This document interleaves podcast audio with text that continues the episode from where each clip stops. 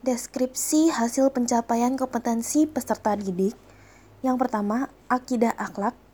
Dengan deskripsi memiliki keterampilan yang baik pada meyakini bahwa agama mengajarkan toleransi, kerukunan, dan menghindarkan diri dari tindak kekerasan.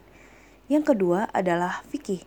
Dengan deskripsi memiliki keterampilan yang baik pada makanan dan minuman yang halal dan haram. Yang ketiga adalah Al-Quran Hadis dengan deskripsi memiliki keterampilan yang baik pada mampu memahami hadis tentang menjaga amanah.